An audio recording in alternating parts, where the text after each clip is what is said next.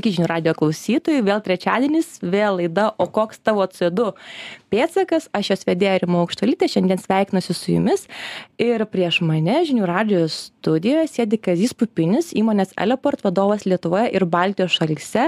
Nežinau, ar klausytom kažką dar sako šios įmonės vardas, nes Lietuvoje jūs toje kaip ir naujokai, taip? dar visai šviežus. Kas... Galima sakyti, pusantrų metų turbūt veikiam. Taip, bet Eleport bendrai tai yra Estijos elektromobilių infrastruktūros plėtros įmonė. Tai tema aiški - elektromobiliai.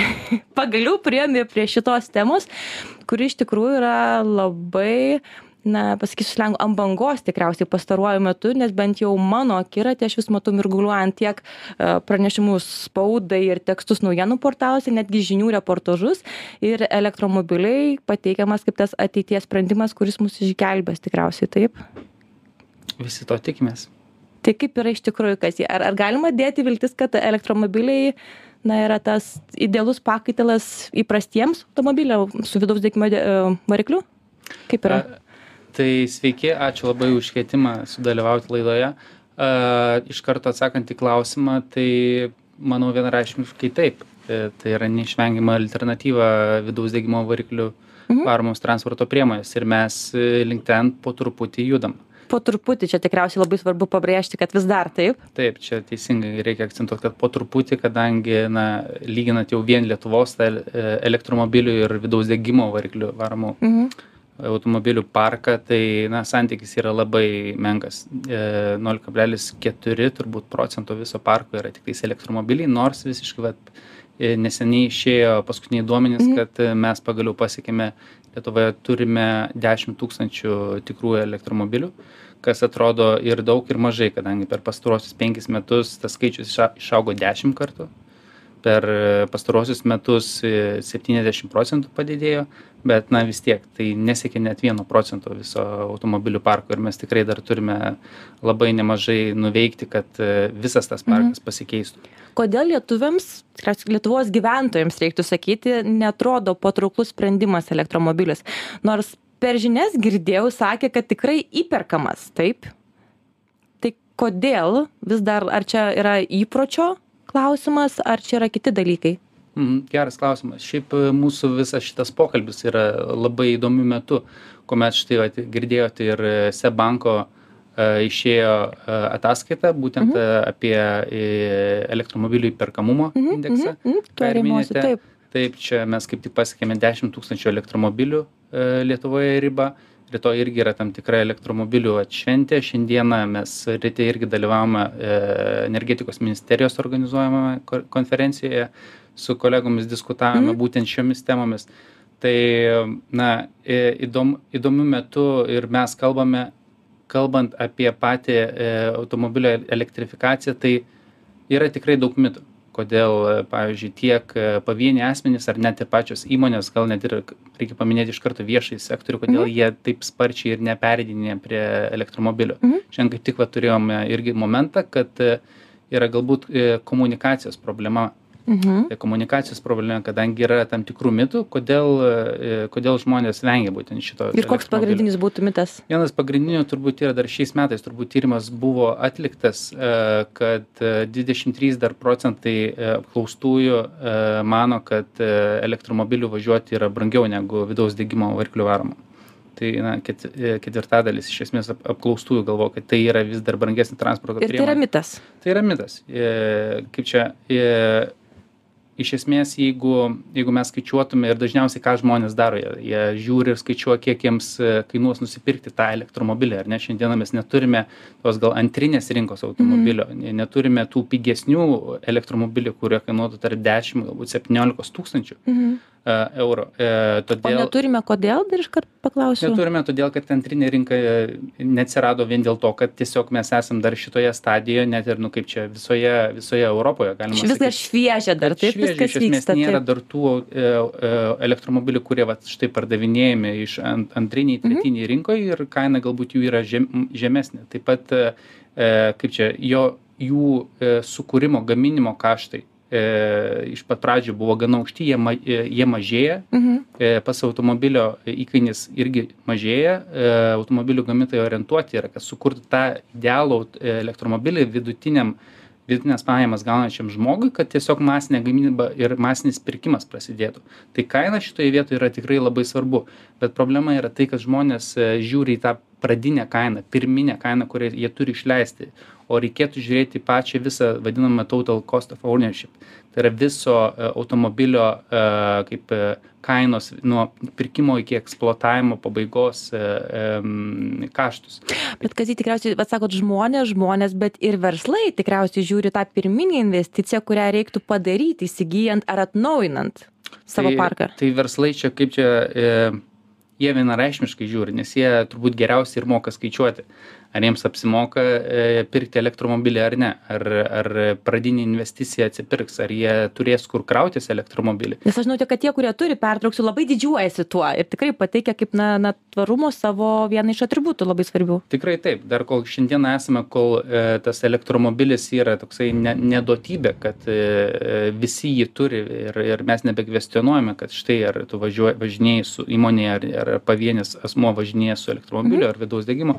Tai tai kad įmonė ar kažkas turi elektromobilį arba gal du elektromobilis šeimoje arba visas e, jų parkas yra elektrifikuotas tai šiandieną yra tikrai tasai na kaip pirminis žingsnis ir ir galimybė parodyt kad štai aš jau esu e, žiūrintis tiek į priekį man tai yra tai svarbu taip svarbu galbūt mano ten įmonės vertybės yra tai akcentuota ir taip toliau kad e, galiu tuo pasigirti. Po greičiausiai septynių dešimties metų čia galbūt irgi dar galėsim pakalbėti kaip kaip mes galvotume jog tasai parkas na santykis to parko keisis mhm tuomet jau na didžioji dauguma e, automobilių bus e, elek elektriniai. Tai čia jau kaip čia bus e, nebus kuo girtis iš esmės ne negalėsi dėti akcento kad štai aš kažkuo esu ypatingas. Šiandien bus tikriausiai kaip higiena taip tiesiog kad tu turi turėti. Visiškai taip privalai nežinau bet tikriausiai turi turėti kad šiandieną na mes sakytume štai aš turiu dyzelinio elektro automobilį ar ne? Kaip kaip kaip nuostabu pažiūrėkite į mane galbūt e, na kaip čia devyniolikto amžiaus e, pabaigoje turbūt e, tą ir buvo galima padaryti bet šiandieną truputį kitais laikais gyvenam tai truputį ir ta vat visai kita industrija kita technologija atsiradusi tuom tada ir stengiamės gyventi ir girtis. Tai kas dar? Kaina, na visi skaičiuoja, taip ir, ir, ir verslas, ir šiaip žmonės. Įkrovimo stotelės irgi paminėjote, kad vis dar yra iššūkis. Įkrovimo stotelės paminėjau ir čia tikrai turiu paminėti, turbūt, mm. kadangi būtent su tuo, su tuo dirbam, būtent su, su viešąja infrastruktūra, Aha. ne privačia. Mm -hmm. Bet čia turbūt reikia paminėti tiek viešą, tiek privačią infrastruktūrą, kadangi tie, kurie referuoja, jog, e, jog štai nėra įkrovimo infrastruktūros, jie daugiau turi omeny galbūt kad nėra tinkamos patogiai išplėtotos viešosios infrastruktūros. Ar tai mieste arba jeigu tu nori tarp vilniaus kauno nuvažiuot dar dar blogiau jeigu į klaipėdą nori važiuot patogiai be streso įsikrauti bet kur bet kada žinoti kad veikia stotelė taip toliau. To nėra šiandien. Ir realiai tai yra mūsų va tikslas darbas padaryti Mhm. kad ta infrastruktūra atsirastų ir niekas kaip čia ne net neabejotų jog galės nuvažiuoti tam tikrą atstumą net negalvodamas kur aš įsikrausiu kur įsipilsiu tų sakykim degalų. Lygiai taip pat tokiu modusu keliautų kaip šiandieną keliauja su vidaus degimo varikliu. Mes ši mes net negalvojame šiandieną kur mes pilsimės ar kaip ar kad galim sustoti netyčia nebent ten užsigalvojam turbūt ar ne? Tai va toksai kuomet esmės žmogus e, nebekels sau klausimo vat prieš kelionę kaip ten suplanuota kelionė kur sustoti ar bus e, ar bus užkrautas tasai įkrovimo taškas ar jisai veiks išvis ar man reikės eilėj kai nebebus vat šito viso planavimo tai tuomet sakysime kad infrastruktūra yra išplėtota ir šita dalis yra padengta. Nes tai yra tikrai viena viena iš dviejų turbūt e, pagrindinių e, faktorių kodėl vat žmonės e, vis dar nenori pereiti į prie elektromobilių bet čia yra viešoji infrastruktūra. Kalbant galima sakyt kad tie kurie gyvena individualiuose namuose jie tikrai galėtų ir turėtų ir tikrai krausis daugiausiai namie. Tai šiuo atveju tau to ir užtenka ypač kai žmonės dažniausiai kasdienėms reikmėms nuvažiuoja penkiasdešim septyniasdešim kilometrų. O galima 500, jeigu aš neklystu, taip? E, elektromobilių taip. irgi geras e, klausimas. E, šiandieną na kaip yra elektromobilių kur gali nuvažiuot ir septynis ir aštuonis šimtus jau kilometrų. Aišku tai yra jau ir brangesni tikrai brangesni aukštesnės klasės elektromobiliai kur na ir baterija jų yra didesnė tai tu gali sau leisti ir toliau nuvykti su vienu įkrovimu. Šiandien turbūt standartas lietuvoje yra tai kad na jeigu du šimtus tris šimtus kilometrų nuvažiuoji tai yra tai yra visai neblogai. Mhm. Realiai galbūt kažkokiu būdu jeigu neeikvoji batareikos taip sakant ekonomiškai važiuoji ką realiai ir turėtum daryt lygiai taip pat kaip su vidaus degimo varikliu varomu automobiliu, tai tu gali nuvažiuoti turbūt ir iki Klaipėdos. Bet e, būtent baterijos dydis irgi yra vienas aktualesnių e, momentų elektrifikacijoje ir jisai tikrai didės. Matome, kad šiandien didėja, e, gamintojai skelbia vis apie didesnės baterijas, kurias tuoj, tuoj pristatys. Ir čia prieš kelias dienas mhm. pati Toyota paskelbė, kad štai netrukus atsiras baterija, su kuria galėsi nuvykti tūkstantį kilometrų ar tai iš tikrųjų netrukus atsiras tai čia dar klausimas nes tokių jau pranešimų esame girdėję ir prieš kelis metus bet link ten einame tai tai kaip čia galima sakyti kad kad ta technologija vystysis iki kokių lubų kiek tu galėsi tuo elektromobiliu nuvažiuot tai dar sunku pasakyt o yra šalių pirmūnių kurios jūs įkvepia ar stebite jas ar visi tokie maždaug dar esam na tam pradiniam lygmeny pasaulio mastu? Um, pirmūnės taip turbūt tiek dėl e, pačių elektromobilių parko tiek dėl e, elektromobilių infrastruktūros. E,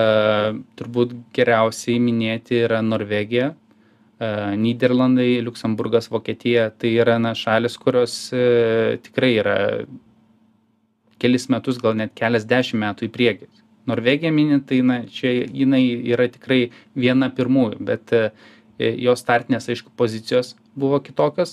Čia nėra turbūt pasiteisinimas mums, nes tikrai norisi visada į kažką lygiuotis. Ir Norvegija yra tikrai ta šalis, kuria 20 metų į priekį yra pažengus, kadangi paprasčiausiai palyginus, kokios pas mus yra net subsidijos e, pritaikytos, net ir nuo šių metų PVM mm. subsidija e, verslui susigražinti PVM perkant elektromobilį, e, šitą priemonę Norvegija prieš 20 metų pritaikė bet e, prie to ėjo daug kitų įvairiausių priemonių kadangi tai kompleksinis dalykas ir šiandieną pas juos na keturi iš penkių e, naujai parduodamų automobilių yra elektromobiliai tai lyginant e, lyginant su mūsų skaičiais kur dabar reikėtų pasitikslinti, bet turbūt apie 4 procentus galbūt naujai parduodamų automobilių yra elektromobiliai Lietuvoje. Tai mes tikrai dar turime kur, kur lygiuotis ir, ir Norvegija yra viena iš tų kalbant apie elektromobilių infrastruktūrą mhm. viešąją, mhm. tai čia yra tokie rodikliai e, minimi kaip e, na,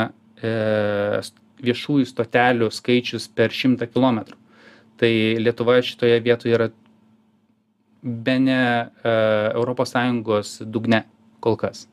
0,2 stotelė šimtui kilometrų yra Lietuvoje mhm. skiriame, jeigu dar nepasikeitė šitie skaičiai lyginant, sakykime, su Vokietija 25 stotelės, e, Niderlandai, e, Luksemburgas 50-60 stotelės. O tai kokią perspektyvą matote? Kiek mums reikia metų, dviejų, trijų, penkerių ir kas trukdo?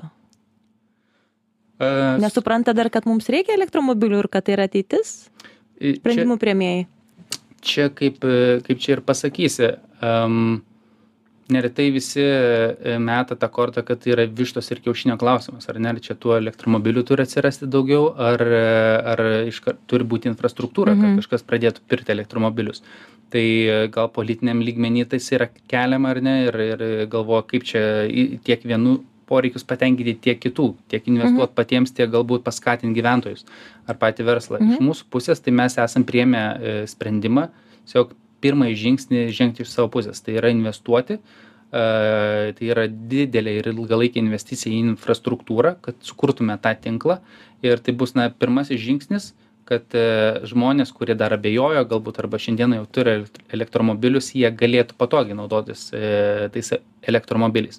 Ir jau kuomet mes šitą padarysime realiai na nieko jau pasiteisinimo turbūt nebus kitiems kad sakyti jau tai kur tas višta kiaušinis dabar višta ar kiaušinis atsirado reikia kažkokio kito žingsnio ar ne reikia pirkti tą elektromobilį ir galiausiai naudotis. Tai mes tokį sprendimą priėmę ir ir ta kryptim ir judam. E, tiek operuodami čia Lietuvoje, Baltijos šalyse, kitur centrinėje Europoje, kur mes dabar einame. Mhm. Ir e, sakome, kad na, e, tą skaičių stotelių, kokį net ir pati susikimo mhm. ministerija planuoja turėti iki, iki 30 metų. Tai yra na, bent jau 6 tūkstančius įkrovimo stotelių.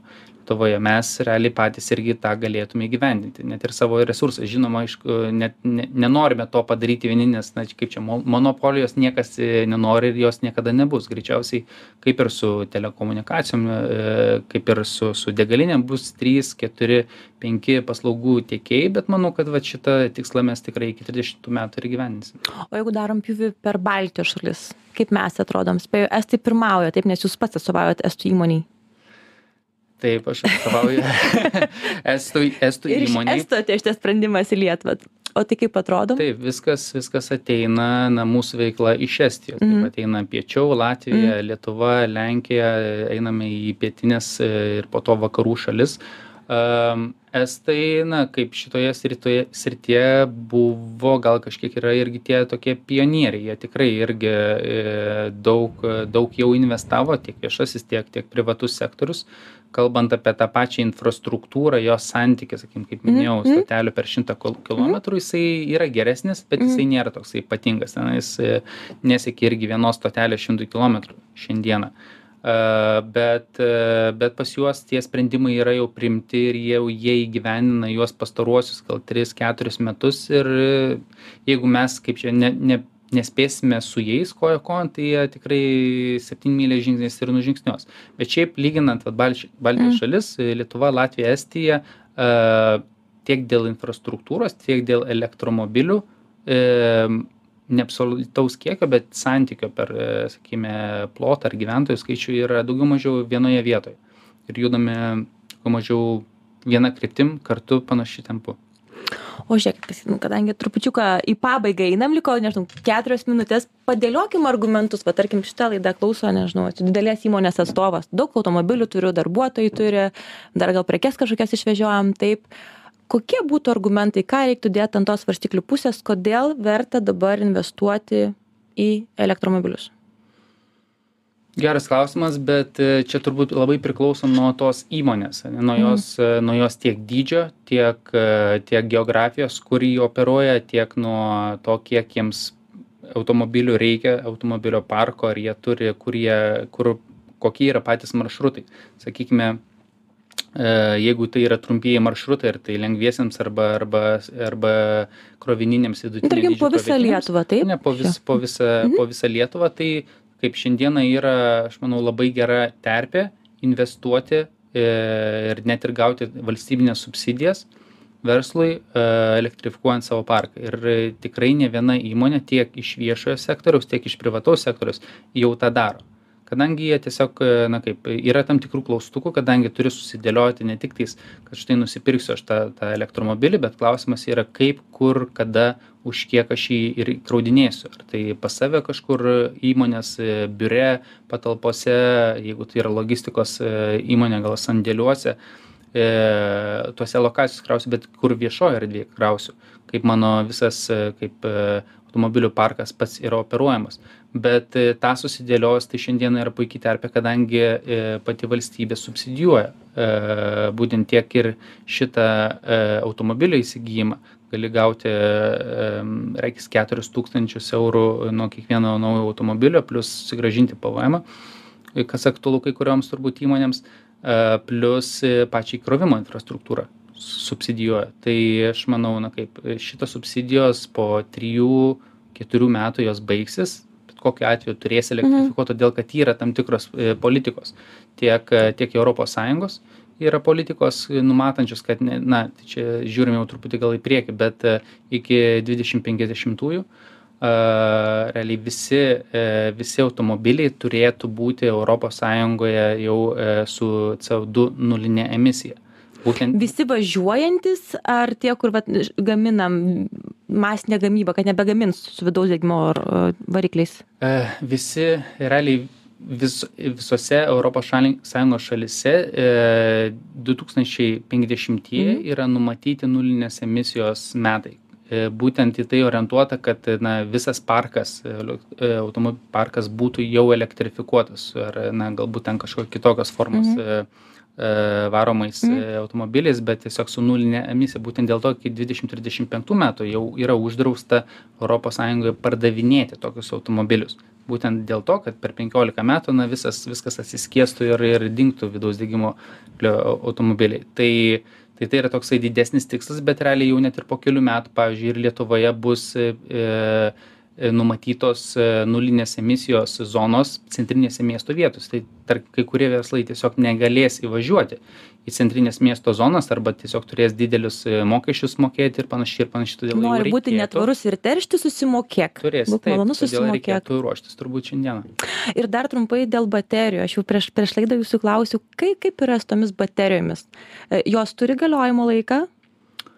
Jos galiausiai susidėvi kaip ir kiekvienas uh, įrenginys. Bet tai yra metai, du, trys metai, penkeri metai?